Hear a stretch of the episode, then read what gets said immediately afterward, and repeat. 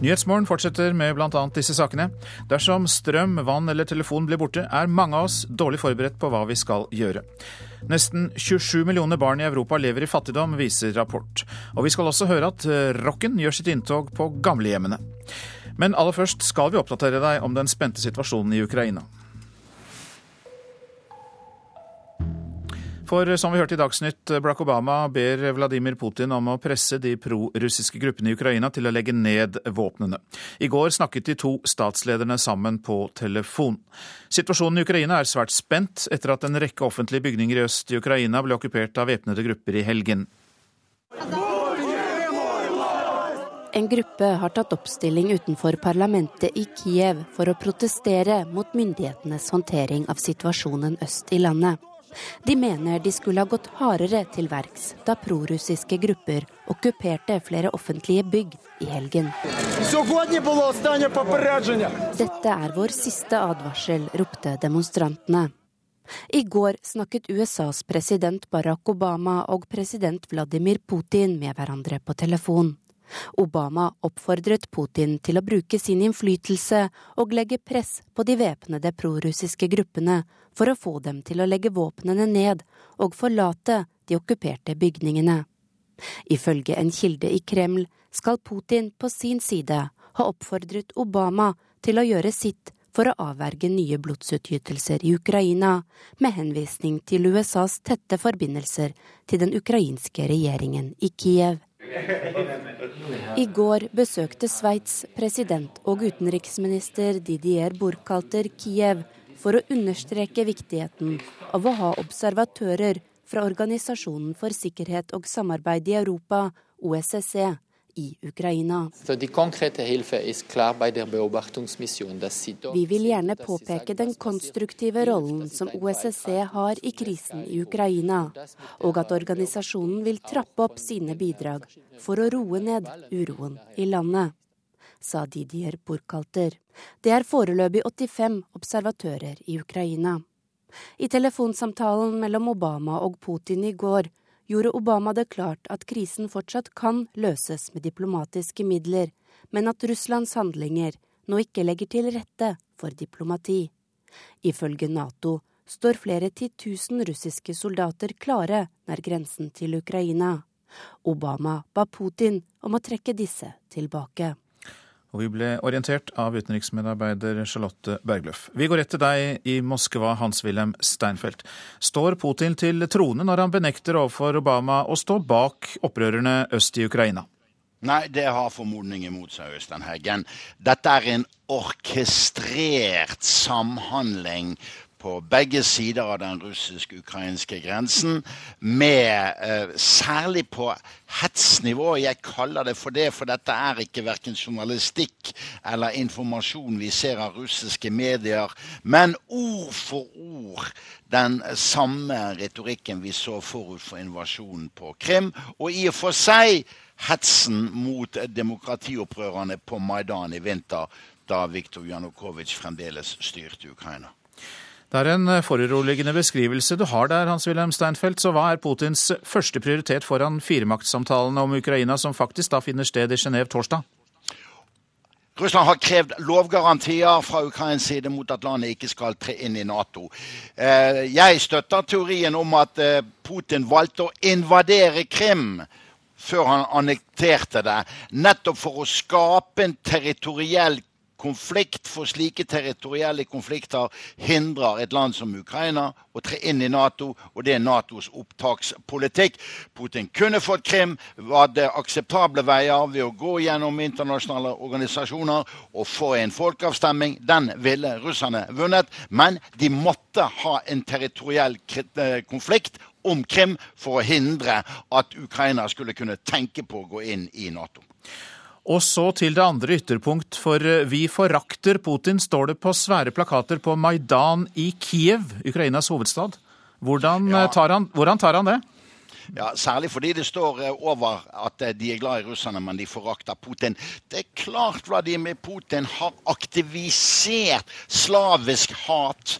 Krenket slaviske æresbegreper i høyeste grad og brakt frem det store spøkelset av russerne fra sovjettiden som undertrykkerne i Øst-Europa. Dette vet Putin, og alt han sier er bare gode miner til slett spill. Og som Julia Timosjenko sa i forrige måned, Putin har mistet Ukraina for alltid gjennom sin atferd de siste to månedene.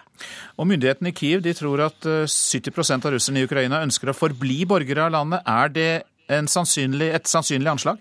Ja, faktisk talt. Hvis vi går tilbake til 1.12.1991, så stemte ukrainere som etniske russere i Ukraina massivt for at Ukraina skulle gå ut av Sovjetunionen. Det betød også fri, eh, løsrivelse fra russerne. Det samme så vi med de russiske minoritetene i de tre baltiske statene. Så historisk er det holdepunkter for å anta at de fleste av de ni millioner russerne som fremdeles bor i Ukraina, ser at det er større frihet der enn det er i Russland. Hans-Wilhelm Steinfeld, mange takk til deg i denne omgang. Så hjem igjen til krisehåndtering. Mange nordmenn er for dårlig forberedt dersom strøm, vannforsyning eller telefonforbindelse blir borte, mener myndighetene. Alle bør ha utstyr til å klare seg noen dager dersom en slik situasjon oppstår. Ja, Det sier direktør Per Christian Brekke i Direktoratet for samfunnssikkerhet og beredskap. Fra tid til annen så blir det mørkt, strømmen går og telefonen går, og det å tenke gjennom dette i en fredelig og rolig hyttevegg, om du vil, under en påskeferie, lage noen enkle regler, skaffe seg noen enkle remedier, tror jeg er veldig klokt, og gjør at sånne situasjoner kan håndteres langt lettere. Jeg kan fyre med ved hvis strømmen går. Gass har vi vel, kanskje? Og vann? Det finner vi her på Vestlandet. Men ikke alle er utstyrt til å takle langvarig uvær eller krise. I Sverige viste en undersøkelse offentliggjort i Dagens Nyheter i forrige uke at sju av ti svensker er dårlig forberedt på å skulle klare seg uten strøm, vannforsyning og telenett i flere dager. Vi har ikke noe tilsvarende undersøkelse her, sier Per Christian Brekke. Eh, men samtidig så tror jeg nok vi skal være såpass ærlige med hverandre og si at det fort kanskje da ser tilsvarende ut i Norge. Jeg har lommelykt og, og sånne ting tilgjengelig, jeg vet hvor det ligger. Og så har jeg kamin, og jeg har alltid ved. Eh, vannet er det verre med, det har jeg egentlig ikke noe eh, backup-plan for. Hvis nå strømmen skulle bli borte i flere dager, har du mulighet til å varme deg noe mat? Nei, jeg har som sagt en sånn vedkamin, men det er vel vanskelig å få laget noe mat på den, tror jeg. Hva med batteriradio, har du det? Eh, nei, jeg har jo radio, men jeg må si at eh, den er vel på strøm, den, så da I Sverige har bare halvparten av de spurte en batteriradio i huset. Den kan gi viktig informasjon, og står på lista over nødvendigheter norske myndigheter anbefaler på nettstedet Sikker hverdag. Går strømmen, så vil du etter hvert se at uh, dette informasjonsbehovet er stort og umettelig. Og det å faktisk ha en litt gammeldags eh, batteriradio gir deg den informasjonen som du trenger. Så det er et viktig punkt.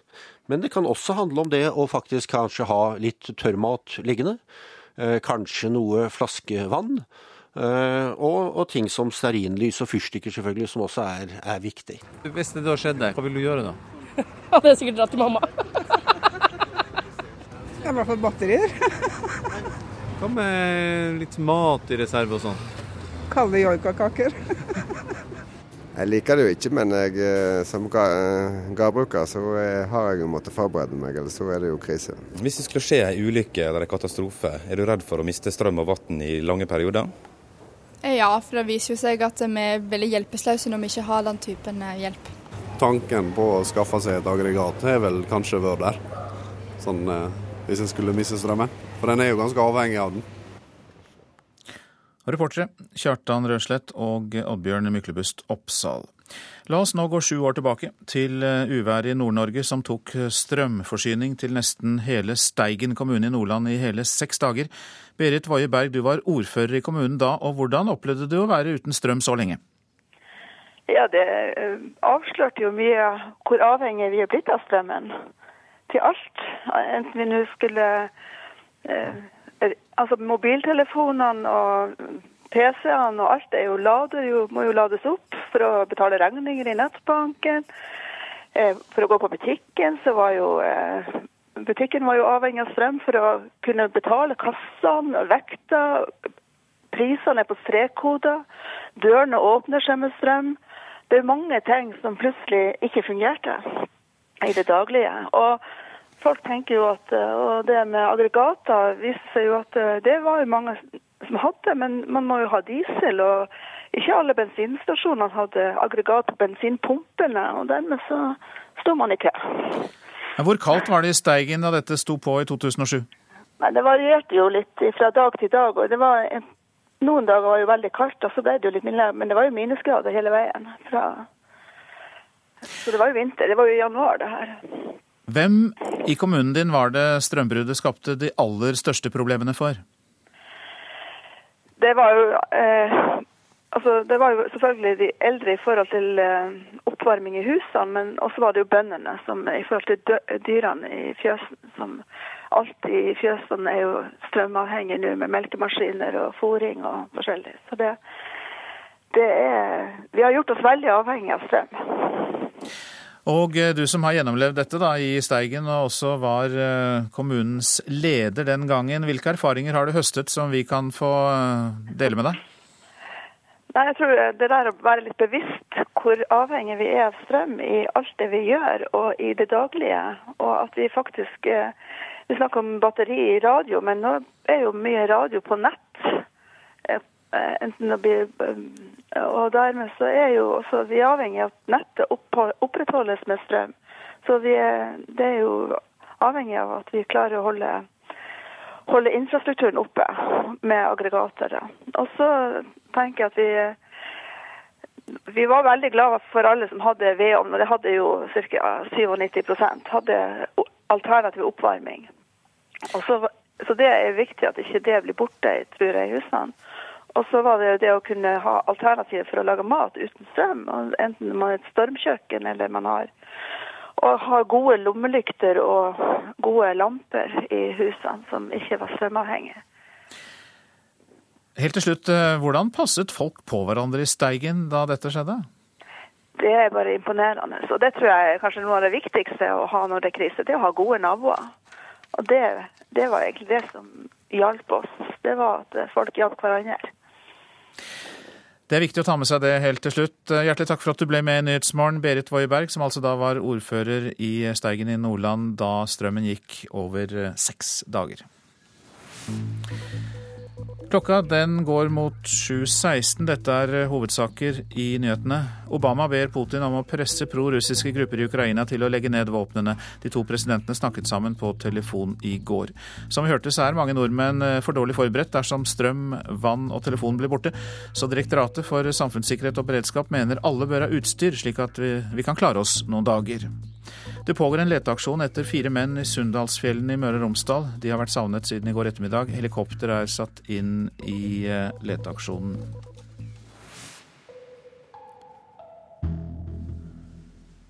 Nesten 27 millioner barn i Europa er enten fattige eller stengt ute fra det sosiale liv. Det viser en rapport fra Redd Barna. Det er barna til foreldre med lav inntekt som er mest utsatt for dette. Rapporten viser at barnefattigdommen også rammer Norge, sier leder av Redd Barnas norgesprogram, Janne Rånes. Vi jo syns det var veldig voldsomme tall når vi så dem. Leder av Redd Barna, Janne Rånes, er selv overrasket over det høye antallet fattige barn i Europa. Rapporten, som i dag lanseres i flere europeiske land, viser at 28% av barna i de 28 EU-landene er i faresonen. Man forbinder fattigdom med andre verdensdeler enn Europa. Men vi har jo sett både nyhetsbildet hjemme hos oss sjøl, og vi ser jo i Europa, i Spania og Italia, der Redd Barna jobber aktivt med barn som ramler utafor, at flere og flere barn lever på gata, blir kasta ut av hjemmene sine, ramler ut av skolen, har veldig dårlig helsestell. Den økonomiske krisen i Europa som startet i 2008, har rammet barn ekstra hardt ved at arbeidsledigheten har økt, mens sosiale ordninger er blitt kuttet. Derfor er det viktig med politisk vilje til å sikre foreldrenes inntekt, mener Rånes. Det tar jo tid for foreldre å skaffe seg jobb, og det tar også tid for en del foreldre å skaffe seg ordentlig utdanning. Så mens politikere jobber for at foreldre skal få seg arbeid, så må man også passe på at barna har et minimum å leve av for. Rapporten viser også at fattigdom ofte går i arv, noe politikerne i EU bør ta som en utfordring, mener Rånes. Det er det vi ønsker nå skal bli en kampsak for EU-politikere fremover. De har en fantastisk mulighet til å snu utviklinga nå, men da må de også ha fattigdom både på radaren, de må debattere det, og de må sette i gang helt klare tiltak. Da er det mulig å snu den utviklinga. Reporter Kristine Næss Larsen, mer om dette på nrk.no. Det skjer ikke flere innbrudd i påsken enn ellers i året. Det er en myte, mener Gjensidig Forsikring. Ferske tall viser at antall innbrudd i påskehøytiden bare er litt høyere enn i resten av året. Dette er 7-1 Alfa. Terje Hansen tester ut walkietalkien. Ja, 71. Hører du 71 Alfa? I snart 20 år har han patruljert Laksevåg og Loddefjord bydel i Bergen frivillig for å stoppe eventuelle innbruddstyver i påskehøytiden. Sammen med 100 andre frivillige skal Terje Hansen også denne påsken patruljere området i Bergen vest. Men kanskje blir det siste gangen. Ferske tall viser nemlig at faren for innbrudd i påsken er omtrent like stor som resten av året. Det er like stor sjanse for å få innbrudd gjennom hele året, sånn at vi tror at uh, man kan ta det helt ro i, med ro i påsken i forhold til det å reise vekk. Det sier informasjonsansvarlig i Gjensidige forsikring på Vestlandet, Arne Wold.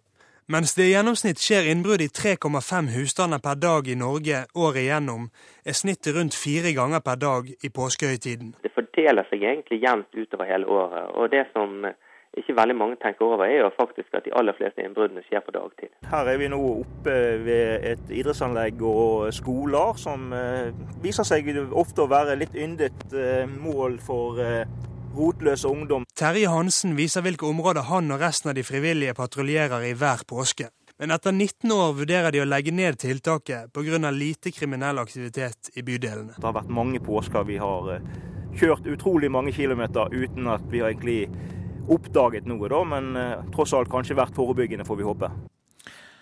Så legger vi til at uh, If skadeforsikring opplyser at selv om det ikke er flere innbrudd, så får tyvene med seg større verdier i påsken fordi de har bedre tid til å velge ut hva de vil ta med seg. Reporter her, det var Kaspar Knutsen. 109 kommuner i Norge har færre enn tre fastleger og bør fritas fra å tillate reservasjonsrett for fastleger. Det sier interesseorganisasjonen for kommunene, KS. I sitt høringssvar til lovforslaget skriver KS at reservasjonsrett ikke kan innføres i de minste kommunene. KS mener også at helseminister Bent Høies forslag er uklart på flere punkter, bl.a. når det gjelder hva som skal skje med leger som krever å få reservere seg der det er mulig.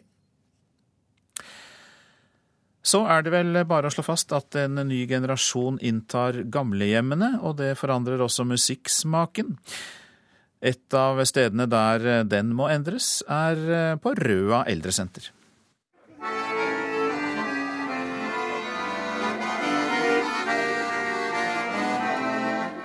I kantina til Røa eldresenter sitter det en mann og spiller trekkspill.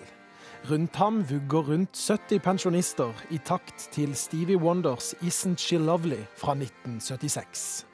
Tiden er nok inne for å gjøre gamlehjemsprogrammene litt mer uh, moderne, kanskje. Hvis man kan kalle det moderne. Mannen med trekkspillet, musiker Kjetil Skaslien, spiller ofte på ulike gamlehjem og eldresenter rundt omkring i landet. Han mener det er i ferd med å skje noe med pensjonistenes musikkpreferanser. Det erfarer han selv, og han har hørt det samme fra kollegaer i bransjen. Folk blir jo eldre, men yngre. Altså yngre folk blir jo eldre, for å si det slik. Og den, de er oppflaska med en uh, type barndomsmusikken sin, og den sitter, henger gjerne i. Og vi får ofte da spørsmål om uh, om vi ikke spiller nå, la oss si ABBA eller Beatles og i det hele tatt slike ting. Hva slags musikk hørte dere på når dere var 20-30 år? da, Kan jeg huske det? Ja, det, Vi var vel midt i sånn ABBA, Beatles, Elvis og Beatles og ABBA. Det var liksom de tre store. Ja. ABBA jo, var jo veldig populære når de kom, så jeg likte ABBA veldig godt. Jeg likte også Beatles, jeg. Ja. Altså, den ideen om at folk skal begynne å like en annen type musikk fordi de er gamle, enn det de likte da de var ungdom. Den er helt, den er helt meningsløs. Sier journalist og musikkentusiast Arild Rønsen, der han står foran PC-en sin. Sitter på gamlehjem og hører på det her. Fantastisk. Og på gamlehjem Når jeg kommer dit, vet du, så er ikke gamlehjemma sånn som de er nå. De har blitt litt bedre etter hvert også. Men da skal vi sitte på litt sånn uteterrasse, da, vet du, jeg og kameratene mine. Og så har vi Stones i bakgrunnen. Og så eh, er det ikke sånn at du ikke får lov å kjøpe øl og rødvin på gamlehjemmet. Men Rønsen tror også noe musikk står i fare for å dø ut med generasjonene. Så vidt meg bekjent, i hvert fall. Ungdom som er 30 år yngre i dag, har jo svært lite forhold til Alf Prøysen. Og hvorfor de da skulle begynne å høre på det på gamlehjemmet når de er 70 år, det begriper ikke jeg. I løpet av 10-15 år så står det sikkert et metallband på scenen, tenker jeg. På gamlehjemmet. På gamlehjemmet. Miley Cyrus og sånn, har du prøvd det på trekkspill? Nei, aldri.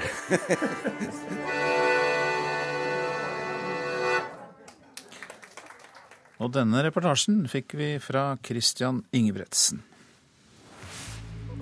Så var det avisene og forsidene. Ingen vil gå til krig for Ukraina, skriver Aftenposten. Putin kan sende soldater inn i området uten å risikere vestlige militære reaksjoner, mener eksperter. Krigsfaren øker i Ukraina, skriver Dagsavisen. Putin har ødelagt fundamentet for det europeiske sikkerhetssystemet som vi er vant til, sier fredsforsker Pavel Baev. Nordlys forteller historien om Bjørn som ble bortført, mishandlet og voldtatt da han var 13 år. Nå kaster han opp av å høre korpsmusikk, for det var i korpsmiljøet det skjedde. Han bar på historien i 27 år, nå vil han fortelle den til alle, for at barn og unge som blir utsatt for overgrep, får hjelp, støtte og omtanke. Halvparten av nyetablerte skoler de siste ti årene er private, skriver Klassekampen. Mange private skoler etableres der den offentlige skolen legges ned. Det fratar kommunene mulighet til å styre skolestrukturen, sier Arbeiderpartiets Trond Giske til avisa. Pensjonsbombe hvis du skilles, skriver Dagbladet om. Du kan risikere å måtte dele oppsparte pensjonsmidler med din tidligere partner. Selv om loven sier at opptjente pensjonsrettigheter ikke skal deles, så finnes det viktige unntak, sier pensjonseksperter. Det norske lovforslaget om omskjæring kan føre til flere komplikasjoner og større press på helsevesenet, sier Manyard Gerber ved den jødiske menigheten i Stockholm. Til Vårt Land sier han at forslaget vil gjøre omskjæring til en større kostnad for samfunnet, fordi man involverer lege og sykehus. Selv foretar han rituell omskjæring, også av norske guttebabyer. Tre milliarder kroner og 800 ansatte har den nye forskningsdirektøren i Statoil til rådighet, skriver Adresseavisen. Lars Høyer og hans forskere skal utvikle mer effektiv leteteknologi, produksjonsanlegg på havbunnen og bidra til økt utvinning fra eksisterende felt. Ja, vi elsker Norge i påsken, skriver Nasjonen på sin forside. Fire av fem legger påskeferien innenlands, viser undersøkelse gjort for avisa. Har, påsketurismen har aldri stått så sterkt i Norge som nå, sier Kristin Krohn Devold i NHO Reiseliv. Smågodt skader tennene, og VG lister opp hvilke godterier som er verst. Godterier med høy surhetsgrad er de som skader tennene mest. Ops, ops, fristen er i dag. Ja, vi snakker om siste mulighet til å søke høyere utdanning gjennom samordna opptak. Og mange unge sliter vel med valgets kval, for det er 1351 ulike studier på menyen. Kunnskapsminister Torbjørn Røe Isaksen sier at også han var i tvil om hva han skulle velge. Da jeg var liten, så hadde jeg lyst til å bli prest. Og så har jeg jo to lærerforeldre, så det var en periode jeg hadde lyst til å bli lærer. Jeg hadde lyst til å bli barnelege en periode, men det har jeg slått fra meg. For ganske lenge siden, faktisk. Er, ja. Liker barn, liker ikke sykdommer. Det ble til slutt statsvitenskap og, som de fleste kanskje har fått med seg, politikk for kunnskapsminister Torbjørn Røe Isaksen. For Guro Mangen, elev ved Valler videregående skole i Akershus, måtte det også en del fundering til før avgjørelsen ble tatt. Da jeg var liten, så ville jeg egentlig bli sånn arkitekt eller uh, lege eller noe. Men så Mm. fant jeg ut at uh, realfag ikke var så veldig mye for meg, da. Så ville jeg bli uh, enten jurist egentlig, eller studere økonomi. Men så det er egentlig den siste, de siste ukene egentlig at jeg har funnet ut at det er juss jeg vil, da. Hvorfor vil du det, da? Jeg har jo rettslære, og det er yndlingsfaget mitt nå på skolen. Og så er jeg veldig sånn person som er veldig opptatt av rettferdighet da, og hva som er rett og galt. Og jeg merker at jeg blir veldig engasjert hvis jeg syns noe ikke er riktig. Så jeg føler at det passer til det, kanskje. For andre kan det sitte enda litt lenger inne å bestemme seg, når klokka tikker ubønnhørlig mot fristen for å søke utdanning gjennom samordna opptak. 117 000 søkte i fjor, i år er det ventet enda flere. Det er greit å være kreativ og utradisjonell i valget, mener kunnskapsministeren, men sier at også det motsatte er helt ålreit. Det er jo ikke noe gærent på å være litt streit. Faktisk er jo altså, Selv om samfunnet trenger, samfunnet trenger sine rebeller, og vi trenger eh, de som er kreative, og det må være lov og stor frihet til å velge andre veier og sånn, så er det jo stort sett bra for samfunnet at de fleste velger ganske A4, da.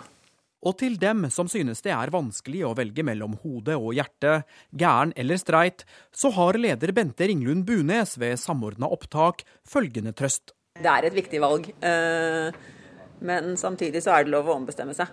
Eh, så det er ikke sånn at eh, man velger én gang og så er man låst for resten av livet. Hvis du finner ut at du har valgt feil, så går det an å finne på noe annet å gjøre og velge nytt på nytt neste år.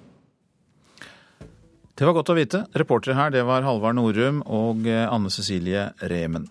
Så tar vi med at eh, FNs mat- og jordbruksorganisasjon advarer mot en soppsykdom som er i ferd med å spre seg på bananplanter i Asia, Midtøsten og Afrika. Denne soppinfeksjonen kan i verste fall også ramme søramerikanske bananavlinger. Bananer er verdens åttende mest betydningsfulle matvareavling, og den eh, fjerde viktigste i de fattige landene. Du lytter altså til Nyhetsmorgen. De eh, fleste barn som blir meldt savnet i USA, blir funnet igjen, men ikke åtte år gamle Relisha. Hør Gro Holms reportasje om henne etter Dagsnytt. Og i Politisk kvarter er eh, Senterpartiets nestleder Ola Borten Moe gjest. Det er Marit Selmer Nedrelid som er produsent for Nyhetsmorgen i dag. Her i studio, Øystein Heggen.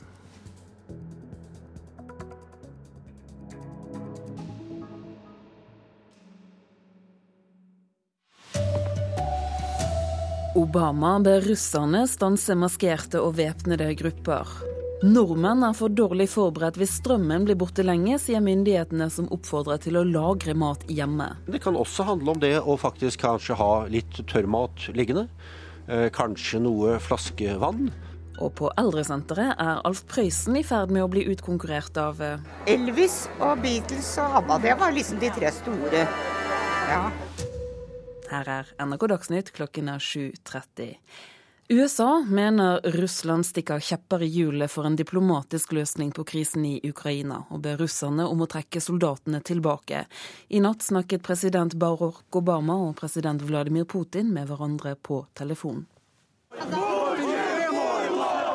En gruppe har tatt oppstilling utenfor parlamentet i Kiev for å protestere mot myndighetenes håndtering av situasjonen øst i landet. De mener de skulle ha gått hardere til verks da prorussiske grupper okkuperte flere offentlige bygg i helgen. Dette er vår siste advarsel, ropte demonstrantene. I natt norsk tid snakket USAs president Barack Obama og president Vladimir Putin med hverandre på telefon. Obama oppfordret Putin til å bruke sin innflytelse og legge press på de væpnede prorussiske gruppene for å få dem til å legge våpnene ned og forlate de okkuperte bygningene. Sveits president og utenriksminister Didier Burkhalter besøkte i går Kiev for å understreke viktigheten av å ha observatører fra Organisasjonen for sikkerhet og samarbeid i Europa, OSSE, i Ukraina. Vi vil gjerne påpeke den konstruktive rollen som OSSE har i krisen i Ukraina, og at organisasjonen vil trappe opp sine bidrag for å roe ned uroen i landet, sa Didier Burkhalter. I telefonsamtalen mellom Obama og Putin i går gjorde Obama det klart at krisen fortsatt kan løses med diplomatiske midler, men at Russlands handlinger nå ikke legger til rette for diplomati. Ifølge Nato står flere titusen russiske soldater klare nær grensen til Ukraina. Obama ba Putin om å trekke disse tilbake. Det sa Charlotte Bergløf. Letingen etter fire menn i Sunndalsfjellet i Møre og Romsdal er gjenopptatt. De har vært savnet siden i går ettermiddag, da de ikke kom tilbake etter en skitur. Været har vært dårlig, men nå leter vi igjen, sier Sigvald Sivertsen, som er operasjonsleder ved Nordmøre og Romsdal politidistrikt. Jo, Situasjonen er at eh, fra ca. klokka fem så eh, var det gjenopptakelse der. Eh, og vi har da hjelp av Romsdal alpine redningsgruppe og Sea King som skal komme tilbake der for å gjenoppta søket i fjellene. Personene som er savna, det skal være personer som er godt fjellvante og har godt eh, utstyr. Eh, hva kan du si om det? Jo, Det er beskrevet slik at de eh, skal være godt fjellvant og at de er godt utstyrt. Så det gjør jo at det, vi håper at det har hjulpet til for dem i, i situasjonen som de er i nå. Værforholdene, hvordan er det i området akkurat nå? Jeg snakka med værvarslinga på Vestlandet, og der er det sagt at det er fortsatt bygevær eh, og nordvestlig vind. Eh, de sier også at det skal minke litt vind og dreie mot vest og etter hvert sørvest. Og det skal bli lettere vær da utover formiddagen. Så vi håper det slår til fortest eh, mulig, for å si det slik. Reporter Håvard Ketil Sporsheim. Mange nordmenn er for dårlig forberedt dersom det er kaldt og uvær eller krise slår ut strøm, vannforsyning og telefonforbindelse. Alle bør ha utstyr til å klare seg noen dager, sier direktør Per Christian Brekke i Direktoratet for samfunnssikkerhet og beredskap. Det kan være at eh, strømmen går, det kan være at eh, telefonen din slutter å virke. Eller kan det selvfølgelig være en kombinasjon av disse tingene som eh, kommer uventet, og som skaper utrygghet. Jeg kan fyre med ved hvis strømmen går. Gass har vi vel, kanskje? Og vann? Nei, det finner vi her på Vestlandet. Men ikke alle er utstyrt til å takle langvarig uvær eller krise. I Sverige viste en undersøkelse offentliggjort i Dagens Nyheter i forrige uke at sju av ti svensker er dårlig forberedt på å skulle klare seg uten strøm, vannforsyning og telenett i flere dager. Vi har ikke noe tilsvarende undersøkelse her, sier Per Christian Brekke. Eh, men samtidig så tror jeg nok vi skal være såpass ærlige med hverandre og si at det fort kanskje da ser tilsvarende ut i Norge. Jeg har lommelykt og, og sånne ting tilgjengelig, jeg vet hvor det ligger. Og så har jeg kamin, og jeg har alltid ved.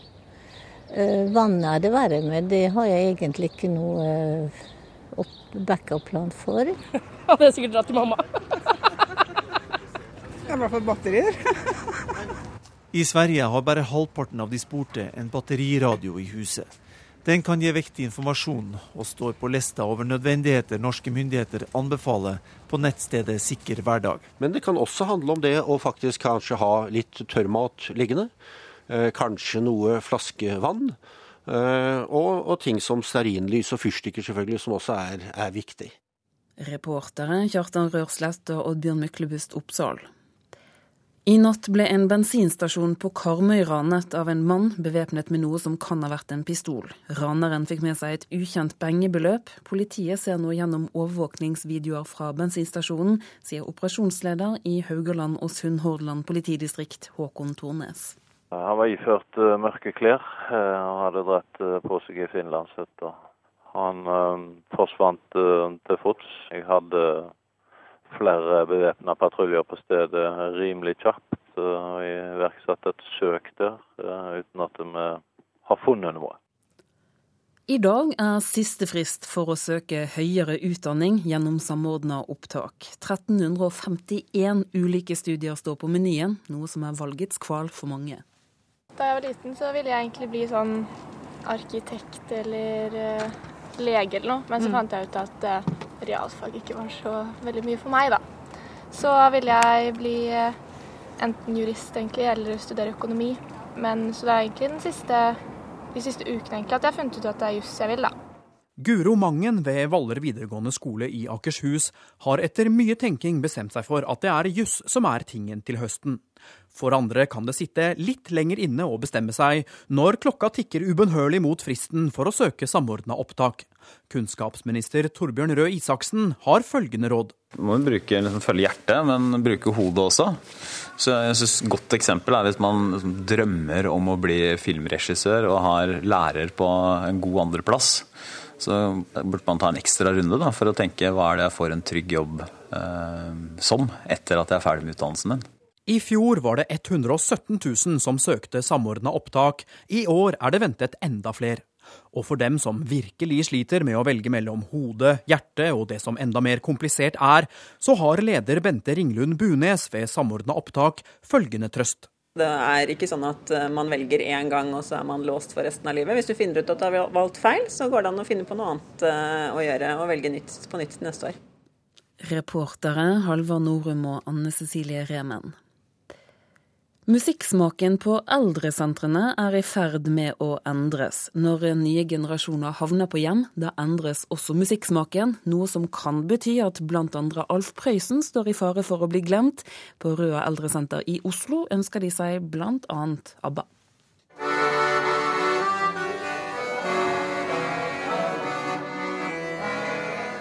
ABBA var jo veldig populære når de kom, så jeg likte ABBA veldig godt. Jeg likte også Beatles, jeg. Ja. Sier pensjonisten Norvald, der han sitter og vugger i takt til trekkspillmusikken på Røa eldresenter. Og vi får ofte da spørsmål om uh, om vi ikke spiller nå, la oss si ABBA eller Beatles og i det hele tatt slike ting. Forteller musiker Kjetil Skaslien, som ofte spiller på gamlehjem og eldresenter rundt omkring i landet. Han mener det nå er i ferd med å skje noe med pensjonistenes musikkpreferanser altså, den ideen om at folk skal begynne å like en annen type musikk fordi de er gamle, enn det de likte da de var ungdom, den er, helt, den er helt meningsløs. Sier journalist og musikkentusiast Arild Rønsen, som også tror noen musikkarter vil dø ut med generasjonene. Ungdom som er 30 år yngre i dag, har jo svært lite forhold til Alf Prøysen. Elvis og Beatles og ABBA, det var liksom de tre store. Ja.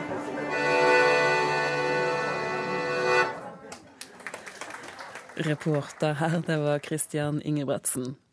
Ansvarlig for Dagsnytt denne morgenen, det er Bjørn Christian Jacobsen. Det er Frode Thorshaug som tar ansvar for alt som handler om teknikk. Her i studio, Turi Grønbekk.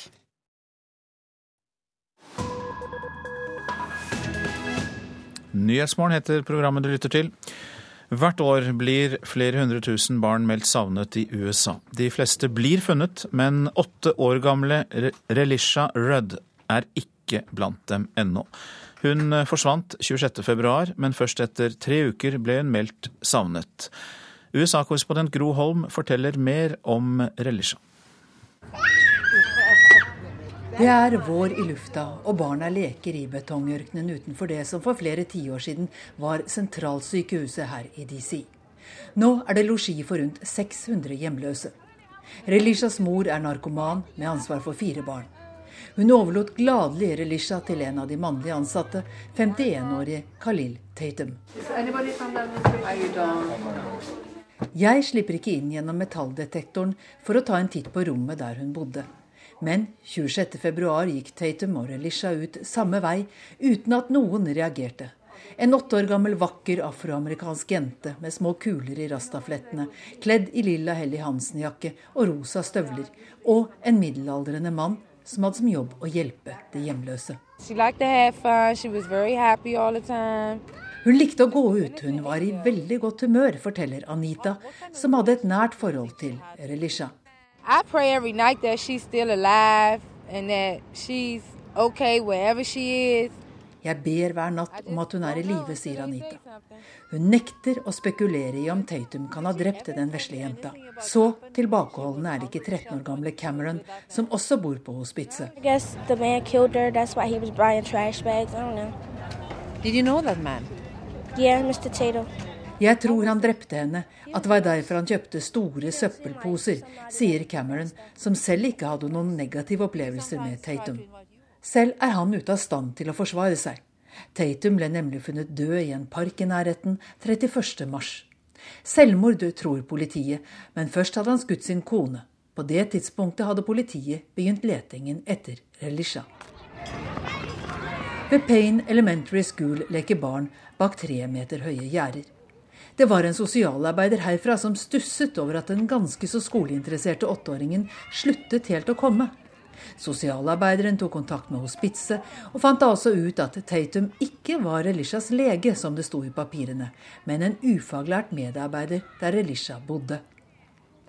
Moren nekter å snakke med media. Men jeg spør en av de andre hjemløse hvordan det er å bo der med en datter i småskolealder. Ikke bra, svarer Tiara. Fordi vi vet ikke hvem som jobber her. Vi stoler ikke på noen. Jeg spør jentungen hvordan hun trives på hospitset. Jeg liker det ikke. Et par kilometer lenger øst i Anacostia står en gjeng afroamerikanske halvvoksne mannfolk med rastafletter. Jeg holder henne nær meg hele tiden, sier Sari og peker på en livlig jente på fire-fem år som farer rundt på plenen mellom murblokkene med en ball. Jeg holder handa hennes i butikken og passer på at hun ikke snakker med fremmede.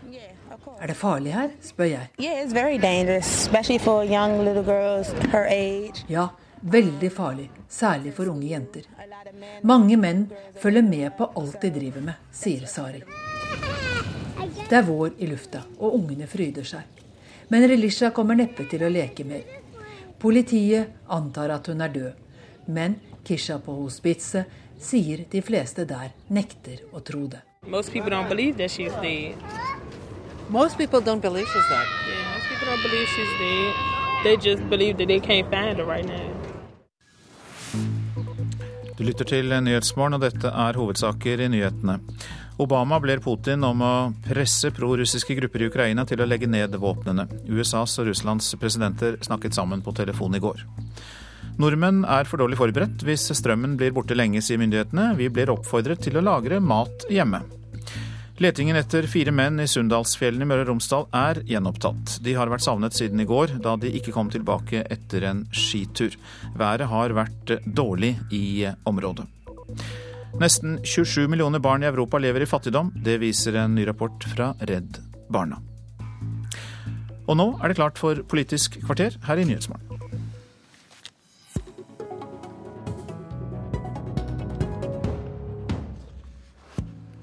Stormen har lagt seg. Det er en stund siden det gikk en hel uke uten Ola Borten Moe på forsidene. Han har kanskje brukt uken til å tenke, Hører han på kravene om at han må bli mindre kontroversiell? Fra Trondheim, en uke etter gjenvalg, velkommen til Politisk kvarter, første nestleder i Senterpartiet, Ola Borten Moe. Ja, takk for det. Jeg har hørt deg si hele veien at du står trygt på Senterpartiets program. Hva skal du gjøre med at andre i partiet tydeligvis mener noe annet? Nei, Nå har vel tida kommet for at vi bruker både mer tid på å snakke med hverandre eh, i partiet, eh, i den grad det skulle være behov for å avklare hva det er som står i partiprogrammet, og hva som eh, ikke gjør det.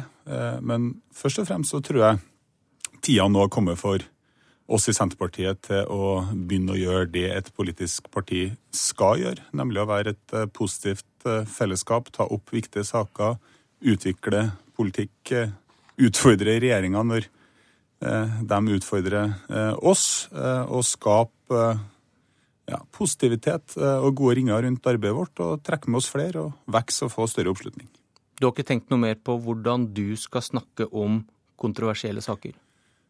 Jeg tror jo det tilligger første nestleder i et uh, opposisjonsparti å ta del også i kontroversielle uh, debatter. Uh, det skulle i og for seg bare mangle. Det er jo en viktig del av det å være sentralt tillitsvalgt i et politisk parti i Norge. men jeg kommer, i likhet med tror jeg, de aller, aller fleste i Senterpartiet, til å strekke meg langt for at vi skal være en samla flokk i Senterpartiet fremover. Er du for et lavere utvinningstempo for norsk olje og gass? Eh, jeg er for det som står i Senterpartiets eh, program, eh, og det står ingenting om det der. Anne Beate Tvinnereim, som du kjempet mot på landsmøtet for en uke siden, hun vil ha et lavere utvinningstempo. Mener du hun da bryter partiprogrammet? Det skal ikke jeg ha noe eh, oppfatning om, men eh, for alle dem som er opptatt av hva det er som er Senterpartiets politikk på olje og gass, så vil jeg anbefale å lese partiprogrammet på side 13 og 14 for å være eh, pillig nøyaktig. Og I tillegg så er det jo sånn at Senterpartiet nå de siste årene har vært instrumentell i å være med og utvikle norsk olje- og gasspolitikk. Vi har lagt fram ei petroleumsmelding som fikk enstemmig tilslutning i Stortinget. Det er etter mitt skjønn ingen tvil om hvor Senterpartiet står i energipolitikken eh, spesielt, og i olje-, energi, olje og gasspolitikken spesielt. Men føler du da at det er urettferdig at det er du som av noen blir anklaget for å bryte partilinja her? Det vil ikke jeg spekulere noen ting eh, i. Jeg har lagt merke til at det noen steder er et, er et ordskifte knytta til olje- og gasspolitikken, det mener jeg i og for seg er naturlig. Det er eh, vår største samfunnssektor. Det er vår største verdiskaper. Eh, det er det stedet der eh, flest nordmenn jobber over hele landet. Det skulle bare mangle at det ikke var et levende ordskifte rundt det. Og det har vi i vårt parti, og det har man i alle andre partier. men det er heller ingen tvil om hva det er som står i partiprogrammet. FNs klimarapport konkluderer med at mye olje og gass bør bli liggende for å forhindre at temperaturen, temperaturen på jorda stiger for mye. Bør programmet endres? Det vil i så fall være opp til eh, vårt landsmøte i 2017. Men, men hva eh, mener men, du? Men FNs klimarapport uh, sier også det som jeg har hevda i lang tid, nemlig at norsk gassproduksjon vil kun være en viktig del av løsninga for å redusere globale klimagassutslipp. Eh, vi ser nå i Europa at eh, utslippene delvis går opp fordi at man brenner stadig mer kull. Og noe av det viktigste man kan gjøre, det er å få bukt med brenninga av eh, kull. Det er det bred enighet om, og skal man slutte med det, så man gjøre noe annet istedenfor. Og da er norsk gass en svært viktig del av av det. Eller det burde i alle fall vært det. Videre, Men, videre så er det sånn at også innenfor togradersmålet så skal det produseres en del olje og gass og brukes en god del olje og gass. Og det bør gjøres i Norge? Ikke i Norge. Det er veldig viktig at vi reduserer vår bruk av olje eh, og gass. Men vi er rett og slett det landet som klarer å produsere med minst utslipp til ytre miljø på en svært effektiv og miljøvennlig måte. Eh, og Det gjør også at eh, så lenge verden skal bruke eh, olje og gass, så bør den produksjonen rett og slett altså Norge er ikke noe dårlig sted å gjøre det. Vi er, de, vi er dem som er best på det der, rett og slett. Så for å lese deg rett, da, at FNs klimarapport er ikke et argument for å senke utvinningstempoet i Norge? Ikke for å senke utvinningstempoet, men det er et argument for å redusere vår egen bruk. Men så må vi også huske at de aller aller meste av den gassen og oljen som vi produserer, går jo til eksport. Den brukes jo ikke i Norge. Den eksporteres til de internasjonale energimarkedene. Og der mener jeg Norge leverer viktige bidrag for å redusere de totale klimagassutslippene. Eh, og det hersker det etter mitt skjønn svært liten tvil om. Tror du at du har sagt noe nå som er kontroversielt i Senterpartiet? Jeg håper ikke det. Eh, og jeg tror det vel heller ikke, rett og slett fordi at eh, i vårt parti som i de fleste andre eh, partier så fattes beslutningene på bakgrunn av et godt kunnskapsgrunnlag og på et godt faktagrunnlag. Og det faktagrunnlaget jeg nå refererte, er det faktagrunnlaget som har gitt enstemmig tilslutning til petroleumsmeldinga og norsk olje- og gasspolitikk i, i Stortinget. Sitat vi har alle muligheter. 5, 10, 15, 20% oppslutning. Det sa du til landsmøtet for en uke siden. Hva skal til for at Senterpartiet får 20% Vi hadde jo 17 eh, i 93. Eh, da var vi større enn Høyre eh, og Stortingets nest største parti. Så i nyere historie, eller i nyere tid, så har Senterpartiet hatt stor oppslutning. Og så, hvis man ser på de øvrige partiene, så har det jo gått opp og ned med de fleste siden den tid. Både Arbeiderpartiet, Høyre, SV, KrF eh, og Frp. Det er mye dynamikk, så vi må aldri tro at, eh, at stillinga er fastlåst. Så tror jeg at det er først og fremst opp til oss sjøl det å få tillit gjennom valg det krever hardt arbeid eh, over tid. Eh, hvis vi er i stand til å legge ned, den, legge ned det arbeidet, være et godt lag, sette fingeren på viktige spørsmål i samfunnsutviklinga, gi de riktige svarene, så er det ingen grunn til at Senterpartiet ikke skal kunne bli betydelig større. Så pekte jeg på Finland, eh, fordi at det finske Senterpartiet nå ligger mellom 20 og 25% er det største partiet i finsk politikk, og det som står nærmest til å ta over statsministerposten etter neste valg. Det er ingen umulighet, heller ikke for det norske Senterpartiet. Hvis dere får 20% faller vel kanskje regjeringen også. Vi skal snakke litt mer om den.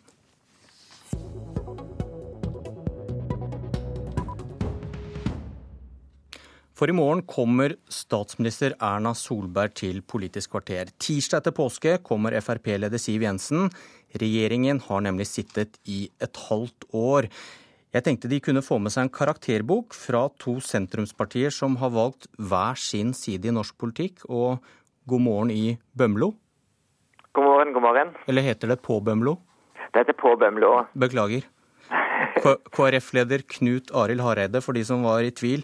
Du, Har det blitt mer eller mindre sentrumspolitikk med ny regjering? Jeg syns det har blitt uh, mer eh, politikk som KrF har satt sitt preg på med den nye regjeringa. Uh, på noen områder, som f.eks. familie og menneskeverd, som vi gikk inn i valgkampen med, så ser vi at det, det er blitt mer valgfrihet for familiene. Og jeg mener òg at på en del menneskeverdsspørsmål så har regjeringa levert godt når de har satsa på rus, på psykiatri. Så opplever jeg òg at det er jo en mindretallsregjering med, en, ja, med et ytterpunkt òg mot ytre høyre.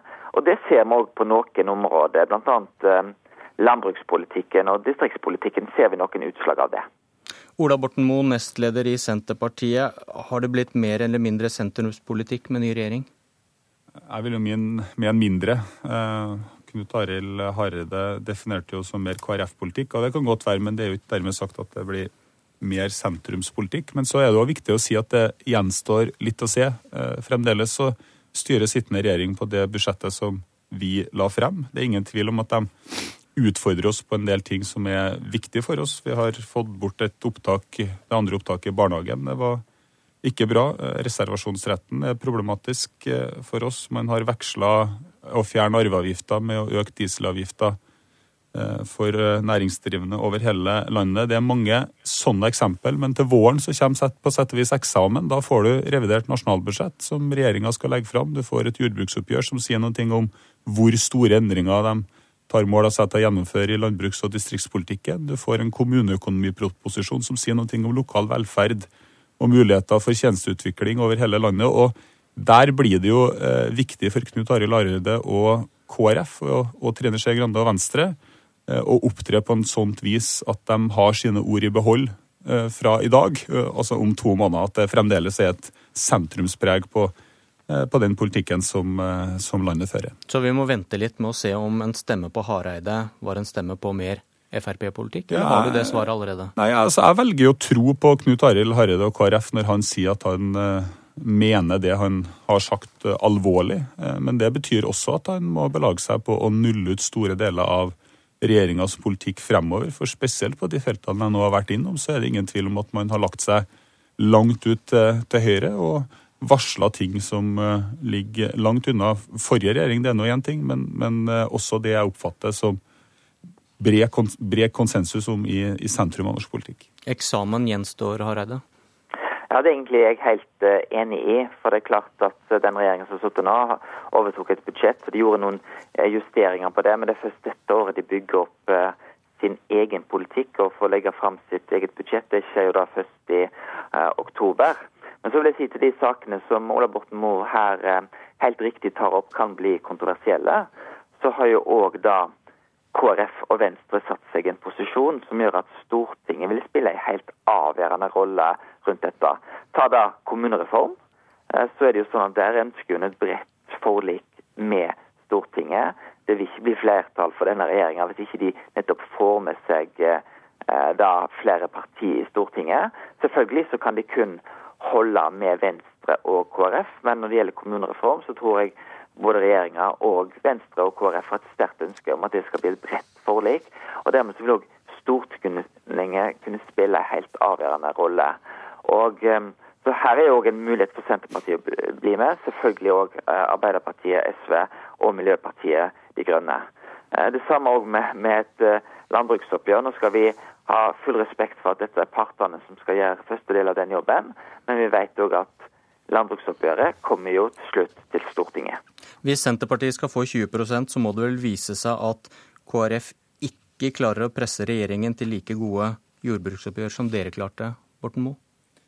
Jeg tror det henger på mye mer enn en et eller, eller, eller, noen jordbruksoppgjør, selv om det òg er, er, svært, svært viktig. Skal Senterpartiet få 20, 20 så må vi vise at vi tar ansvar og får tillit på et bredt spekter av politiske saker. Selvsagt med utgangspunkt i det vi er best på, det som er viktig her og nå. Og der er, er det ingen grunn til å undervurdere jordbruksoppgjøret til våren. Jeg vil minne både programlederen og Knut Arild Hareide på at vi nå har fått en landbruksminister som har skapt usikkerhet om nesten alle bærebjelkene i norsk eh, jordbrukspolitikk. Det er norsk matproduksjon det er snakk om, og det er privatøkonomien til titusenvis av norske familier. Det vil være uhyre viktig at eh, man politisk nå legger på plass den forutsigbarheten og stabiliteten som denne svært viktige næringa fortjener. og det har Senterpartiet tenkt å bidra til i vår. Og Så blir spørsmålet om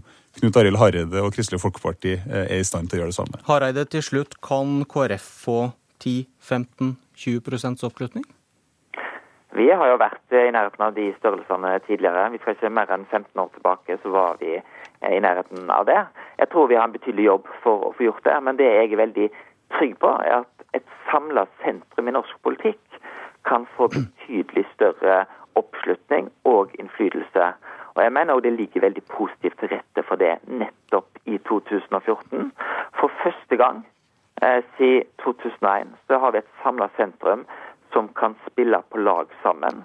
Og jeg mener det er et potensial eh, for både Senterpartiet, Venstre og KrF å samarbeide tettere og bedre enn vi har gjort de siste 13 åra. Og jeg mener òg med en Ola Borten Moe som har fått eh, fornya tillit og en meget god og ny ledelse i Senterpartiet som jeg har lyst til å gratulere, så mener jeg at okay. det er mange muligheter for et godt sentrumssamarbeid. Hårete ønsker til påskeharen. God påske til Ola Borten Moe og Knut Arild Hareide. Politisk kvarter er slutt. Jeg heter Bjørn Myklebust.